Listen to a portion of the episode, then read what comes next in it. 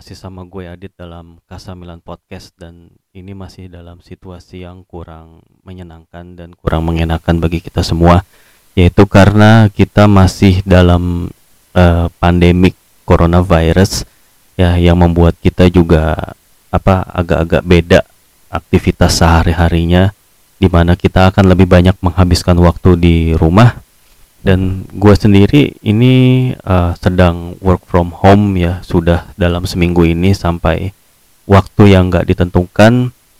Uh, jadinya memang uh, apa-apa yang tadinya harusnya dikerjain di kantor uh, tatap muka langsung itu udah bener-bener nggak ada lagi di sini dan kita sepertinya harus beradaptasi dengan perubahan yang ada ini tapi dengan tetap bisa mendeliver hasil kerja yang diharapkan gitu ya. Uh, by the way begitu juga dengan dunia podcast sepak bola ya.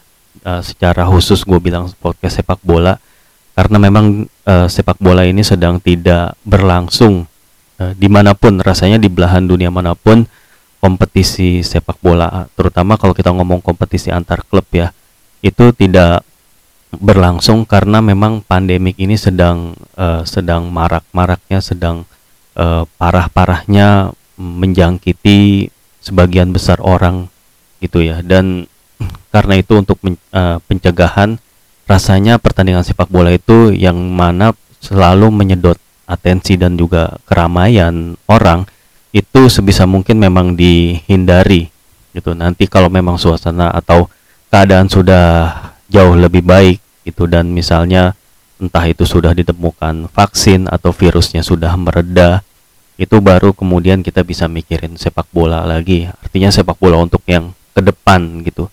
Tapi tenang aja sebagai uh, apa namanya uh, penggiat podcast lah bisa dibilang tetap ada bahan atau bahasan yang sebenarnya nggak perlu dilewatkan ya.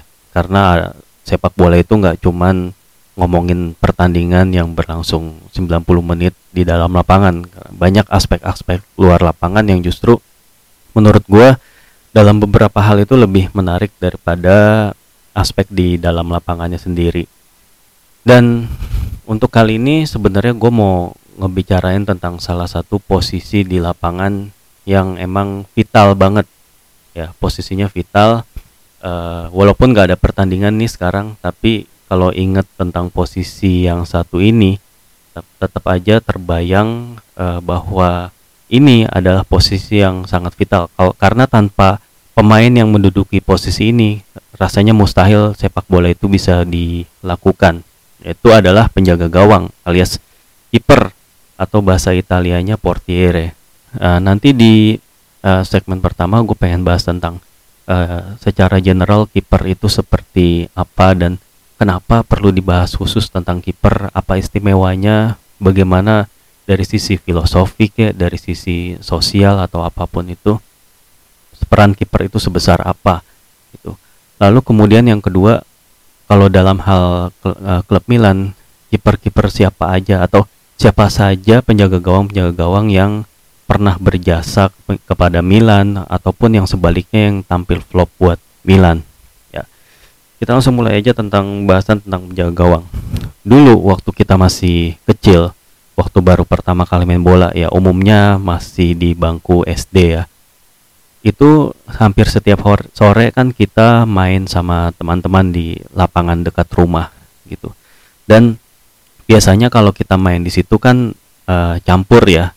Artinya nggak kita nggak hanya main dengan teman sebaya atau seumur, tapi juga kita main dengan anak-anak yang ada yang lebih muda di uh, setahun dua tahun di bawah atau setahun dua tahun di atas atau malah ada yang udah dalam tanda kutip udah senior atau veteran yang masih main. Misalnya udah SMP nih tapi masih main sama anak-anak SD itu kan pasti di dalam tongkrongan ada aja gitu ya. Nah biasanya kalau misalnya anak yang baru mulai main nih biasanya tuh kayak dijadiin anak bawang. Dan yang namanya anak bawang itu biasanya tuh dianggap pertama dianggap enteng dianggap nggak bisa main, dianggap nggak punya keterampilan yang cukup untuk jadi pemain lapangan. Karena itulah anak-anak yang seperti ini biasanya disuruh jadi kiper. Ya mungkin lu juga pernah ngalamin hal yang sama. Jadi kalau misalnya uh, lu baru main lu nggak mungkin ditaruh sebagai striker karena striker itu biasanya yang paling jago artinya yang pokoknya yang dituakan dalam tim itu dia jadi striker karena selain dia paling jago dia juga paling dihormati lah di antara rekan-rekannya. Itu biasanya kayak gitu ya. Lalu kemudian mundur ke pemain tengah pemain belakang. Biasanya begitu. Tapi ada juga sih yang uh, eh, gue nemuin kayak uh, sekelompok uh, teman apa sekawanan bermain lah gitu. Justru yang paling jago itu yang jadi back. Itu ada juga nemu kayak gitu. Tapi kalau untuk kiper jarang. Karena biasanya orang itu akan maksimalin rata-rata uh, ya uh, penyerang untuk uh, maju ke depan. Artinya untuk jadi pemain outfield. Karena untuk bisa memenangkan sparring-sparring kecil itu ya tentu lebih butuh penyerang hebat daripada kiper hebat. Ya kurang lebih gitu gambarannya. Dan tujuan selain selain kayak berupa inisiasi gitu buat anak baru tujuan orang di tempat yang jadi kiper itu kadang-kadang tuh suka diminta untuk uh, mempelajari bagaimana game sepak bola itu uh, berlangsung gitu ya. Disuruh mengamati dulu lah soalnya kan kiper itu nggak terlalu banyak terlibat dalam permainan gitu ya. Jadinya kiper itu uh, kalau kita jadi kiper kita bisa mengamati lebih dalam itu tentang sebuah pertandingan. Katanya sih begitu ya. Ya jadinya kan uh, kita jadi berada dalam kesimpulan bahwa seorang penjaga gawang itu kebanyakan itu adalah diremehkan dan dianggap sebagai outsider atau anak bawang gitu. Artinya belum belum dianggap kayak pemain bola beneran lah. Ini mungkin kayak sedikit perbandingannya kalau di dunia musik itu banyak yang bilang kalau drummer itu bukan musisi. Jadi yang penting kalau lo main drum itu lo ngegebuk dengan bener temponya bener feel feel innya enak terus kemudian juga nggak nggak lebay dan nggak apa ya nggak sepi juga gitu. Tapi lo sebenarnya nggak perlu tahu tahu banget tentang musiknya. Nah ini juga gue kurang setuju karena menurut gue seorang drummer yang baik juga bisa menjadi apa ya musisi yang baik juga gitu. Karena ada beberapa drummer dunia gitu yang juga menjadi produser musik. Itu kalau lu pernah denger album Nirvana yang judulnya Nevermind itu produsernya adalah seorang drummer. Drummer dari band yang namanya Garbage. Nama drummernya itu adalah Butch Vig kalau lu mau googling. Ya jadi itu menggambarkan bahwa drummer juga musisi bukan cuman kayak pengiring doang gitu. Seperti anggapan banyak orang ya. Nah ini begitu juga dengan penjaga gawang. Penjaga gawang itu juga pesepak bola. Walaupun mungkin penjaga gawang nggak terlalu dibekali atau diberkahi dengan kemampuan mengolah bola yang sebaik pemain-pemain lapangan. Karena memang tugas dia yang utama itu adalah mengamankan gawang menjaga gawangnya supaya nggak kebobolan. Artinya penjaga gawang ini adalah sosok yang sangat diandalkan sebenarnya oleh anggota tim yang lainnya. Karena ketika seorang penjaga gawang itu bikin kesalahan itu buyarlah sudah itu loh skenario skenario yang udah dibangun. Kalau misalnya seorang penyerang itu bikin kesalahan ya misalnya dia nggak bisa manfaatin peluang gitu. Dia bisa mencari-cari lagi peluang yang yang untuk dia sendiri gitu. Begitu juga kalau misalnya seorang midfielder atau seorang winger melakukan salah passing itu dia bisa nge-recover lagi bola begitu juga bahkan juga pemain belakang kalau misalnya dia melakukan kesalahan misalnya dia lawan lolos dari dia dia bisa ngandelin kiper untuk bisa nepis gitu tapi kalau kiper dia nggak bisa ngandelin siapa-siapa lagi Artinya kalau misalnya lawan itu udah lolos one on one, nggak ada yang bisa diharapkan uh, oleh pelatih, rekan setim atau pendukung selain dari kehebatan si kiper. Kalau kiper nggak bisa nahan, ya udah habislah kebobolan gitu. Dan juga kalau misalnya kiper itu tampil jelek dan bikin kesalahan, ya tim itu banyak kebobolan. Jadi percuma aja kalau misalnya uh, teman-teman kita udah bikin banyak gol, tapi kita yang jadi kiper justru bikin tim kita kebobolan. Itu malah jadi banyak disalahin. Nah itulah juga ya suka dukanya jadi kiper ya. Justru kayaknya lebih banyak dukanya. Makanya seorang filsuf ya asal Prancis yang lahir di Aljazair bernama Albert Camus. Itu dia dulu adalah seorang penjaga gawang pada saat dia masih main bola di level amatir gitu ya. Dari apa dari pengalamannya main bola ini dia juga kayak lebih bisa melihat penam, uh, permainan sepak bola itu secara lebih menyeluruh karena dia itu uh, sebagai penjaga gawang itu yang tadi gue bilang dia mengamati dalam diam kebanyakan dalam diam ada alasan tertentu sebenarnya kenapa si Kamus ini milih posisi penjaga gawang sebagai pilihannya yaitu karena alasan ekonomi. Karena Kamus ini bukan dari keluarga yang berada dan sepatu itu pada saat itu sangat mahal ya sepatu untuk main bola.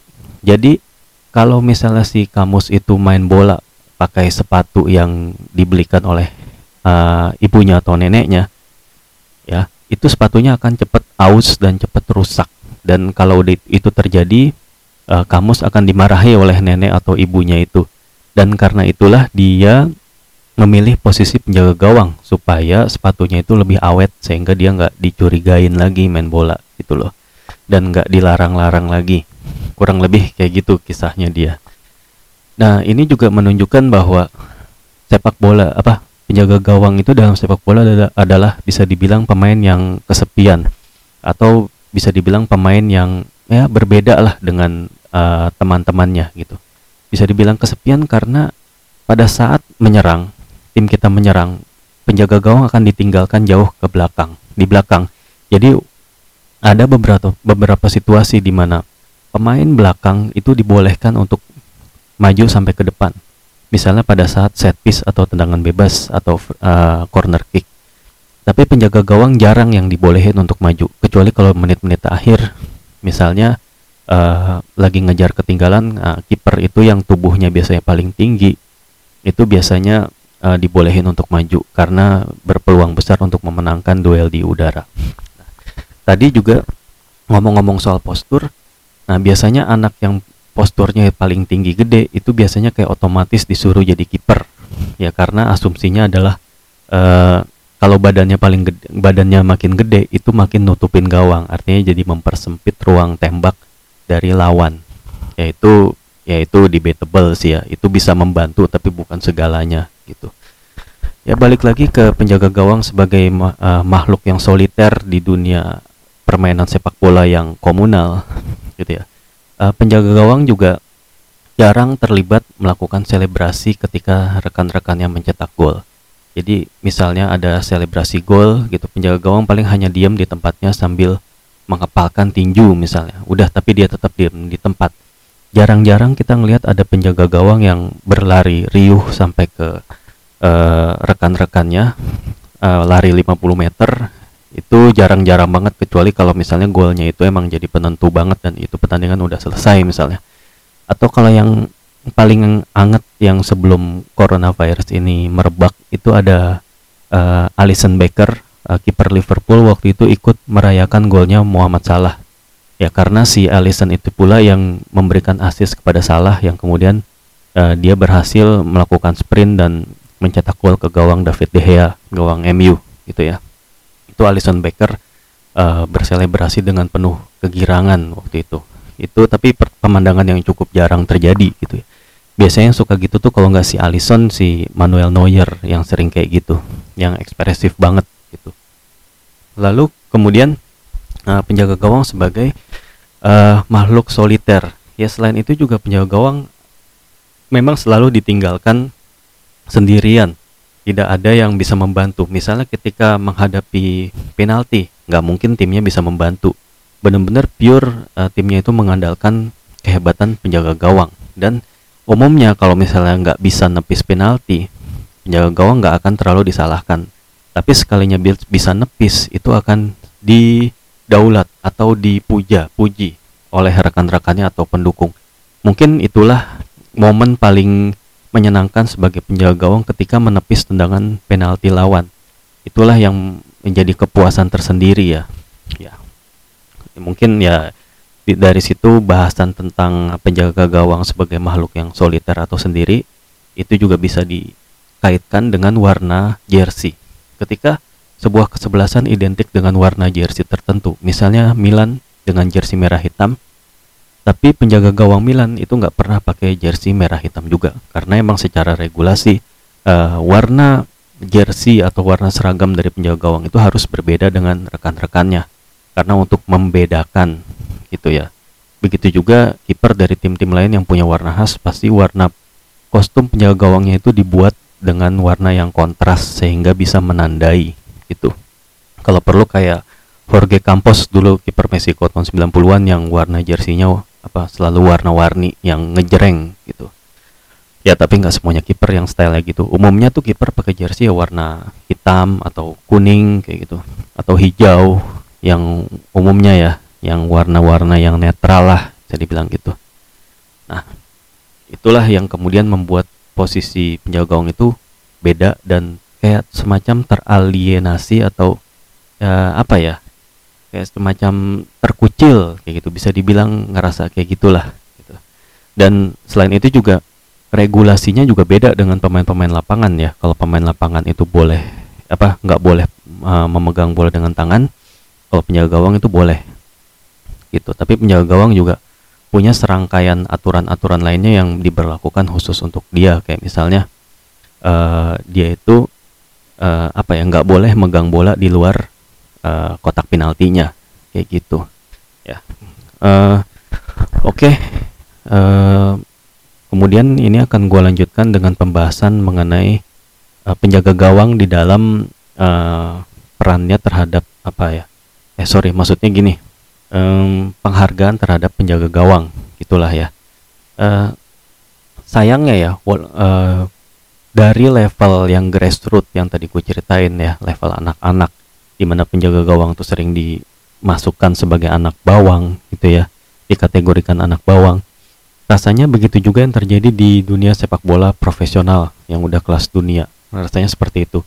Jadi eh, sehebat apa pun kiper itu rasanya agak hampir sulit ya untuk bisa mengalahkan hegemoni atau mengalahkan puja-puji orang terhadap penyerang atau gelandang serang atau pemain sayap gitu. Di itu terbukti dari dari apa namanya uh, apa ya dari hal yang kecil aja misalnya pemilihan man of the match nih katakanlah ya contohnya pemain Milan lagi deh gitu. Misalnya Milan memenangkan sebuah pertandingan dengan skor 2-0 dua gol itu dicetak oleh Ante Rebic misalnya. Tapi di saat yang bersamaan kiper Milan Gianluigi Donnarumma bikin 12 kali penyelamatan yang penting gitu ya. Termasuk di antaranya misalnya nih nyelamatin sebuah peluang yang udah clear cut chance. Artinya udah peluang yang nyaris 90-90% eh 99% gol gitu. Tapi tetap most likely kemungkinan besar yang jadi dipilih sebagai man of the match atau pemain terbaik pertandingan itu adalah Ante Rebic ketimbang Gianluigi Donnarumma. Artinya pemain yang mengubah skor itu lebih dihargai daripada pemain yang mempertahankan skor gitu ya. Itu pada umumnya terjadi seperti itu. Dan itu pernah terjadi beneran di Liga Premier Inggris waktu pertandingan MU lawan Arsenal di mana gue lupa tahunnya di mana si David De Gea bikin banyak banget penyelamatan yang penting tapi di saat yang bersamaan di pertandingan itu Jesse Lingard bikin dua gol ya ke gawang Arsenal dan akhirnya yang dipilih sebagai man of the match itu bukan De Gea tapi Jesse Lingard. Yaitu salah satu contoh kecil. Ya dilihat dari skala yang lebih besar, uh, penjaga gawang yang terpilih sebagai pemain terbaik dunia itu se sepanjang sejarah baru satu yaitu Lev Yashin, kiper dari Uni Soviet yang dijuluki oleh sebagai Black Spider atau si laba-laba hitam gitu ya. Artinya dengan jangkauan yang begitu uh, apa namanya? yang begitu uh, bagus ya, tingkat jangkauan dia terhadap bola uh, akhirnya membuat jadi susah banget untuk dijebol oleh lawan gitu tapi emang satu-satunya yang didapat uh, penjaga penghargaan yang didapat dalam bentuk balon dior itu emang baru didapat oleh seorang Lev Yashin seorang sampai sekarang belum ada lagi kiper yang bisa meraih penghargaan prestisius seperti balon dior tadi. Gitu. Ya uh, kenapa ini juga patut ditanyakan kepada diri kita masing-masing? Karena penghargaan Ballon d'Or itu kan melibatkan insan sepak bola ya dari mulai pemain uh, fed, apa pelatih juga dan juga uh, wartawan gitu ya. Mereka jarang yang milih kiper karena memang kita sebagai penonton atau bahkan sebagai pemain, pemain atau pelaku sepak bola itu sendiri lebih menghargai aksi-aksi dari penyerang yang kemudian bisa menghasilkan gol ketimbang penyelamatan-penyelamatan gemilang gitu ya.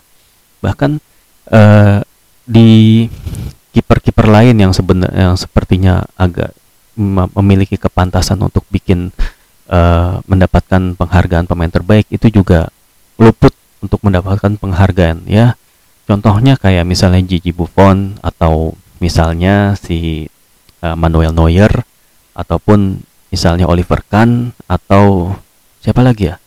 Atau contohnya Iker Casillas yang pernah uh, begitu dominan dan menentukan pada saat masa-masa jaya mereka tapi ternyata mereka juga gagal meraih pemain apa meraih gelar pemain terbaik dunia.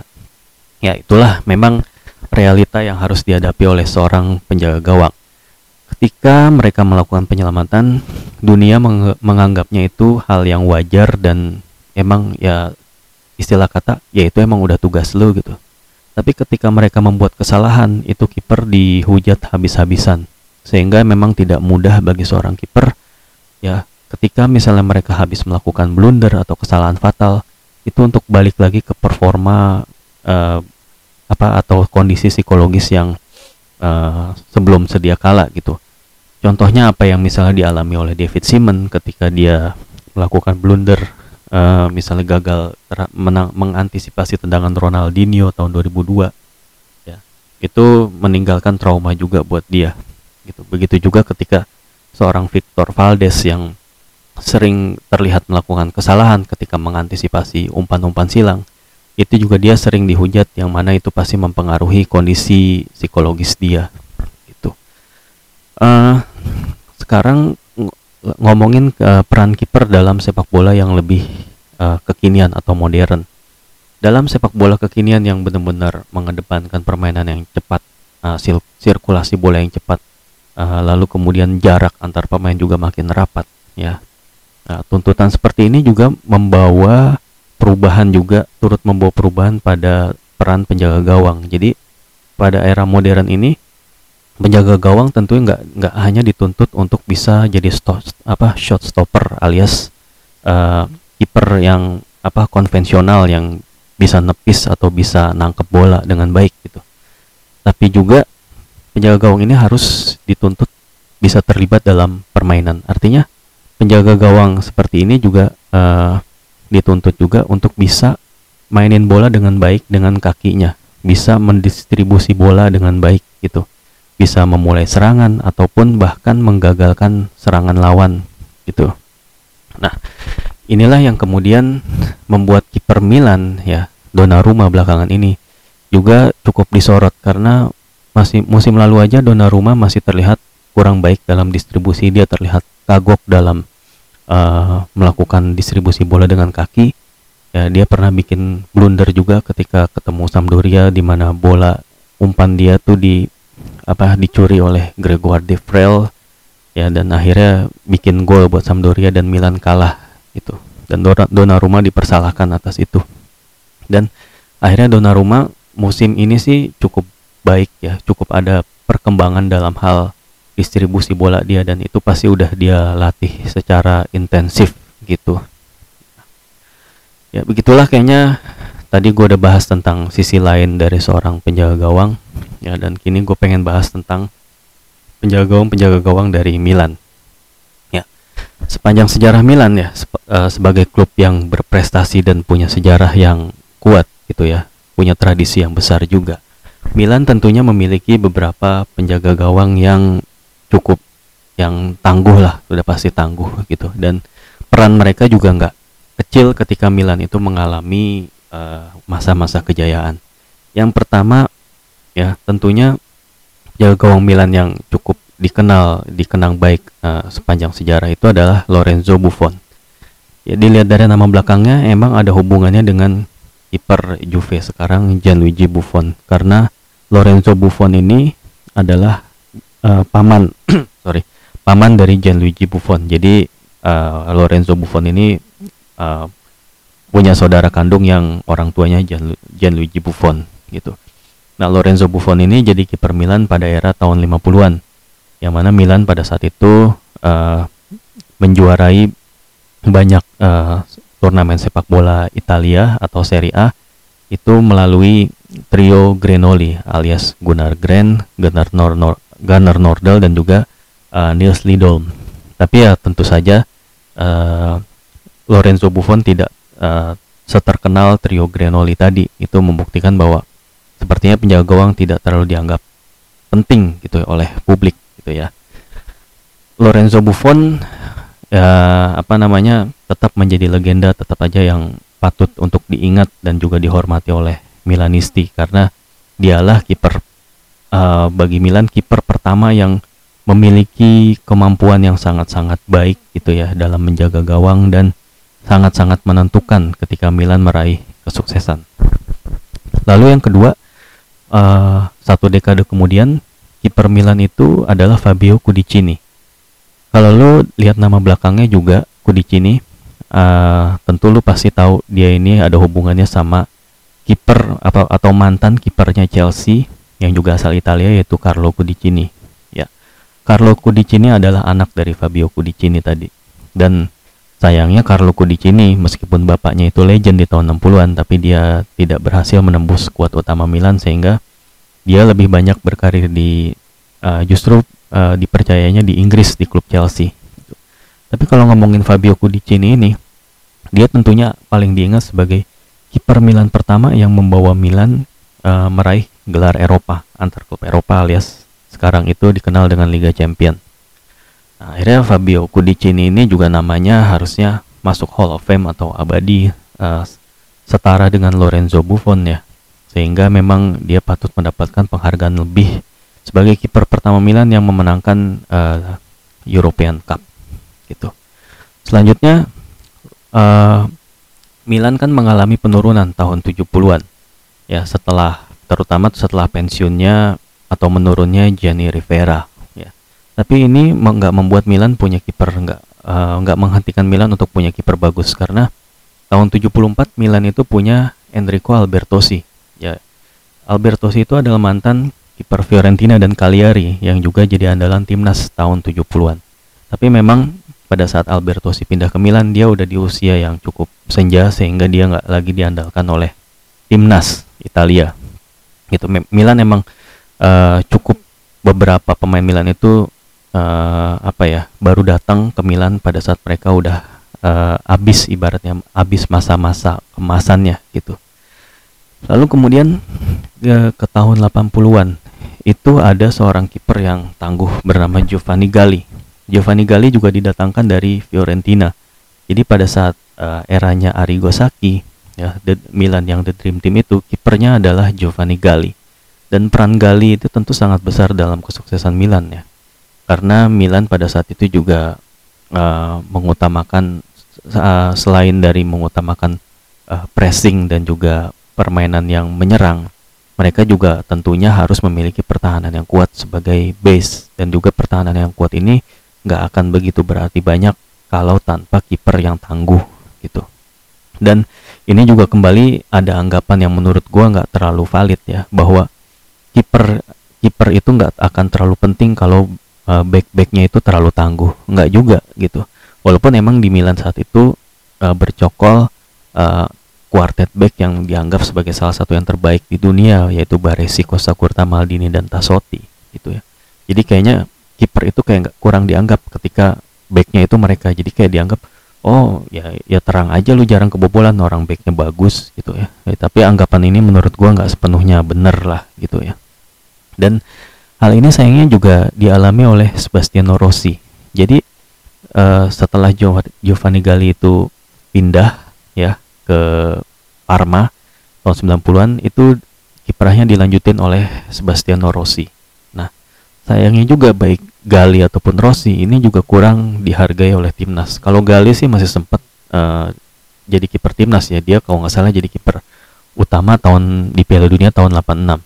Kalau Rossi ini dia sama sekali nggak pernah dipanggil timnas, padahal dia punya kecekatan apa punya kemampuan yang bagus, refleks yang bagus dan jago menghalau penalti. Tapi sayangnya Rossi juga nggak pernah dipercaya uh, membela timnas gitu. Yaitu tadi mungkin karena salah satunya kayak anggapan tadi.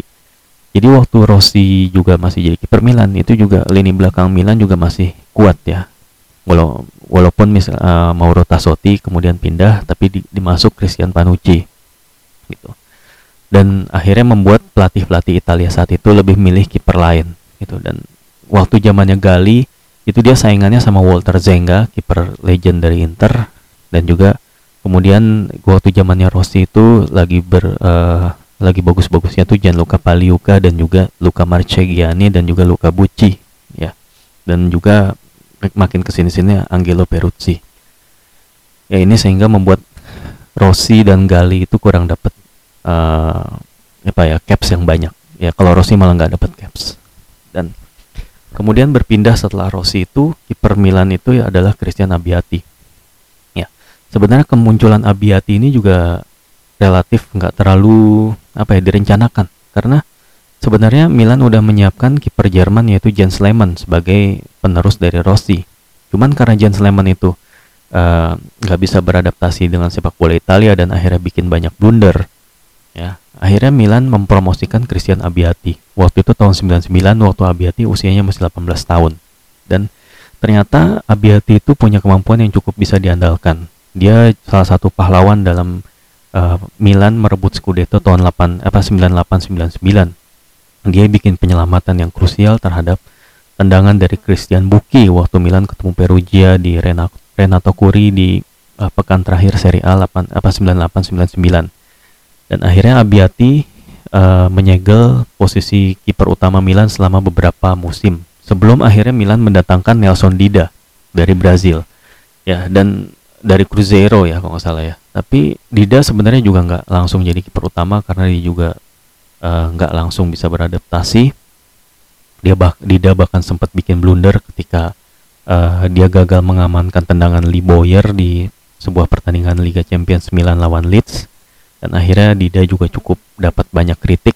Tapi Dida untungnya mampu bangkit dan akhirnya setelah keluar kemampuan terbaiknya terutama dalam mengantisipasi ya bola-bola atas atau bola-bola yang sulit gitu ditambah dengan refleks yang sangat bagus dan kemampuannya dalam menahan tendangan penalti akhirnya Dida menggeser posisinya Abiati dan Dida bertahan cukup lama di bawah mister gawang Milan pada saat itu sebelum akhirnya uh, karena usia juga yang udah makin senja gitu akhirnya posisi Dida sempat diambil lagi oleh Abiati.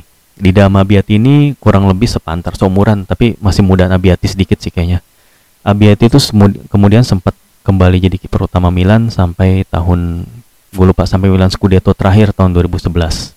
Dan ketika Abiati masih jadi cadangannya Dida, Abiati juga sempat dipinjemin ke Juve waktu gantiin Buffon karena Buffon cedera dislokasi bahu pas Trofeo Berlusconi. Dan Abiati juga sempat ke Torino dan Atletico ya kalau nggak salah ya. Gue lupa deh. Pokoknya sempat ke Atletico. Lalu setelah Abiati eh, Milan juga sebenarnya menyiapkan penjaga gawang lain yaitu penjaga gawang asing asal Spanyol Diego Lopez Diego Lopez ini kiper dari Real Madrid didatangkan dengan free transfer harapannya dia bisa uh, membawa pengalamannya di klub sebesar dan sesukses Madrid ke Milan yang sedang mengalami banter era pada saat itu. Cuman sayangnya Diego Lopez emang punya kemampuan yang baik, cuman konsistensinya juga masih uh, kurang. Artinya kadangkala Diego Lopez itu suka bikin blunder juga. Dan inilah yang kemudian membawa uh, situasi yang tak terduga lainnya ya kepada Gianluigi Donnarumma. Waktu itu remaja yang masih berusia 16 tahun dipasang sebagai kiper utama oleh pelatih Sinisa Mihailovic. Jadi pada saat laga melawan Sassuolo tahun 2016 apa 17 ya gue lupa ya. Pokoknya uh, Donnarumma itu dipasang dan langsung semua media atau publik itu kaget dan ini dan cukup meragukan keputusan Mihailovic yang nggak wise katanya memasang pemain masih remaja. Tapi tentunya pasti Mihailovic udah mengamati Donnarumma dalam latihan dan penilaian dia itu nggak salah. Donnarumma itu adalah seorang prodigi bisa dibilang wonderkid atau apa pun lo mau menyebutnya dan akhirnya Donnarumma mampu hingga sekarang ya dari debutnya sampai sekarang udah me membela Milan dalam lebih dari 100 pertandingan padahal usianya juga masih 22 tahun gitu dan akhirnya Donnarumma sampai sekarang jadi kiper Milan dan jadi salah satu uh, hot prospect dalam dunia sepak bola. Dan tentunya mm, semoga aja Donnarumma bertahan lebih lama ya. Kalaupun misalnya manajemen melepas harus melepas dia karena pertimbangan finansial semoga emang bisa dimaksimalin benar sama Milan gitu. Uh, lalu kemudian di belakangnya Donnarumma itu uh, ada sebenarnya kiper satu lagi Alessandro Plizzari yang juga lulusan Akademi Milan. Tapi Plizzari itu cukup kehalang atau ke apa ya kayak terhambat karena kemunculan Donnarumma tadi itu uh, Plitzari sebenarnya punya kemampuan yang bagus tapi karena Donnarumma jauh lebih bagus dia jadi kayak nggak ngedapetin tempat utama. Dia sekarang main di Livorno menjalani pinjaman beberapa kali tampil sebagai kiper utama musim ini di Serie B ya. Dan harusnya kalau misalnya Donnarumma pergi musim depan Plitzari paling nggak cocok jadi kiper kedua Milan. Karena Plitzari uh, juga jadi kiper utama di timnas Italia under 20 gitu. Jadi menurut gue patut untuk dikasih kesempatan. Ya. Tadi mungkin gue ada agak-agak lupa menyebutkan beberapa nama kiper Milan ya baik yang lumayan top maupun yang agak flop. Ya nama-nama itu antara lain Massimo Taibi mungkin pernah ingat pernah jadi kiper Milan juga tapi nggak begitu oke okay mainnya tadi Jan Sleman udah sempat disebut lalu kemudian ada Zeliko Kalac uh, kiper dari uh, Australia yang didatangkan Milan dari PSV Eindhoven kalau nggak salah ya. Lalu kemudian ada juga Gabriel kiper Brazil yang tadinya dianggap sebagai yang berprospek tapi kemudian gagal bersaing. Sekarang Gabriel main di Lecce. Lalu kemudian ada juga kiper Milan hmm, Marco Storari kiper-kiper senior Milan juga sempat punya terus ada Marco Amelia ini juga agak-agak mengejutkan. Amelia itu pas di Milan turun banget mainnya dan uh, tadinya padahal Amelia itu anggota tim uh, Piala Dunia yang memenangkan Piala Dunia 2006 gitu walaupun nggak pernah main ya. Tapi penurunan karirnya Amelia ini sangat mengejutkan juga karena dia sekarang main di Serie D kalau nggak salah. Atau bahkan udah pensiun gue juga kurang tahu kabarnya gitu. Tapi sempat sempat main di Serie D gitu. Lalu kemudian uh, selain itu siapa lagi ya kiper Milan ya yang patut diingat ya? Sekarang sih Begovic ya. Begovic uh, kiper kedua Milan di belakangnya Donnarumma. Lalu kemudian Pepe Reina. Pepe Reina ini juga tadinya dibeli atau didatangkan Milan dengan free transfer itu katanya uh, belakangan diketahui karena Donnarumma itu waktu itu mau cabut. Tapi karena Donnarumma nggak jadi cabut dan Milan udah tergant apa terlanjur kontrak si Pepe Rena jadinya Rena uh, dijadiin sebagai kiper kedua gitu. Tapi gajinya Rena itu gaji yang sekelas kiper pertama sebesar 3 jutaan euro. Ya ini sangat disayangkan uh, ketika Milan mengambil langkah ini. Dan juga kemudian Antonio Donnarumma. Antonio Donnarumma ini nggak lain adalah abangnya Gianluigi Donnarumma. Antonio ini sempat juga main di Akademi Milan tapi kemudian dia di, dilepas ke Genoa sempat main di apa didatangin Milan itu dari klub Siprus. Gue lupa namanya apa. Ya ini emang fungsinya orang banyak bilang nggak lain supaya Gianluigi Donnarumma itu stay gitu. Tapi jangan salah ketika Antonio Donnarumma itu dipasang dia kelihatan banget dia tetap menjaga kebugaran dan tetap profesional saat latihan dan dia sangat siap. Dan di pertandingan resmi sampai sekarang Antonio Donnarumma itu selalu clean sheet buat Milan dan ada pertandingan yang penting yang dijalanin Milan. Ya, ketika Antonio Donnarumma itu jadi kiper yaitu di Coppa Italia musim ini lawan Udinese. Dia bikin ada satu penyelamatan yang penting banget. Dan juga pada saat melawan Inter dua musim lalu ya ketika derby di Coppa Italia di mana si uh, Antonio Donnarumma itu menyelamatkan peluang bersih dari uh, João Mario gelandangnya Inter. Ya. Ya begitulah. Gua rasa sekelumit penjaga gawang ya baik secara umum uh, maupun uh, dilihat dari exposure media dan juga exposure publik sampai penjaga gawang penjaga gawang dari AC Milan yang uh, dan segala serba-serbinya lah gitu. Jadi ya di sini sih gue pengen menyampaikan bahwa penjaga gawang juga adalah pesepak bola dan karena itulah di, mereka juga pengen dihargai sebagaimana mestinya, diapresiasi sebagaimana sepantasnya dan tidak terlalu diper, uh, dipersalahkan karena memang peran penjaga gawang dan tugas penjaga gawang itu sangat-sangat berat ya. Tanggung jawab mereka sangat besar. Sehingga tidak fair uh, ketika mereka bikin kesalahan hujatan itu dialamatkan kepada mereka seorang. Ya gitu aja sih menurut gue. Oke kurang lebih itu aja yang mau gue sampaikan. Ya mohon maaf atas segala kekurangan yang ada. Terima kasih banget udah setia ngedengerin Kasamilan Podcast uh, stay safe teman-teman. Stay healthy. Stay clean. Ya wassalamualaikum warahmatullahi wabarakatuh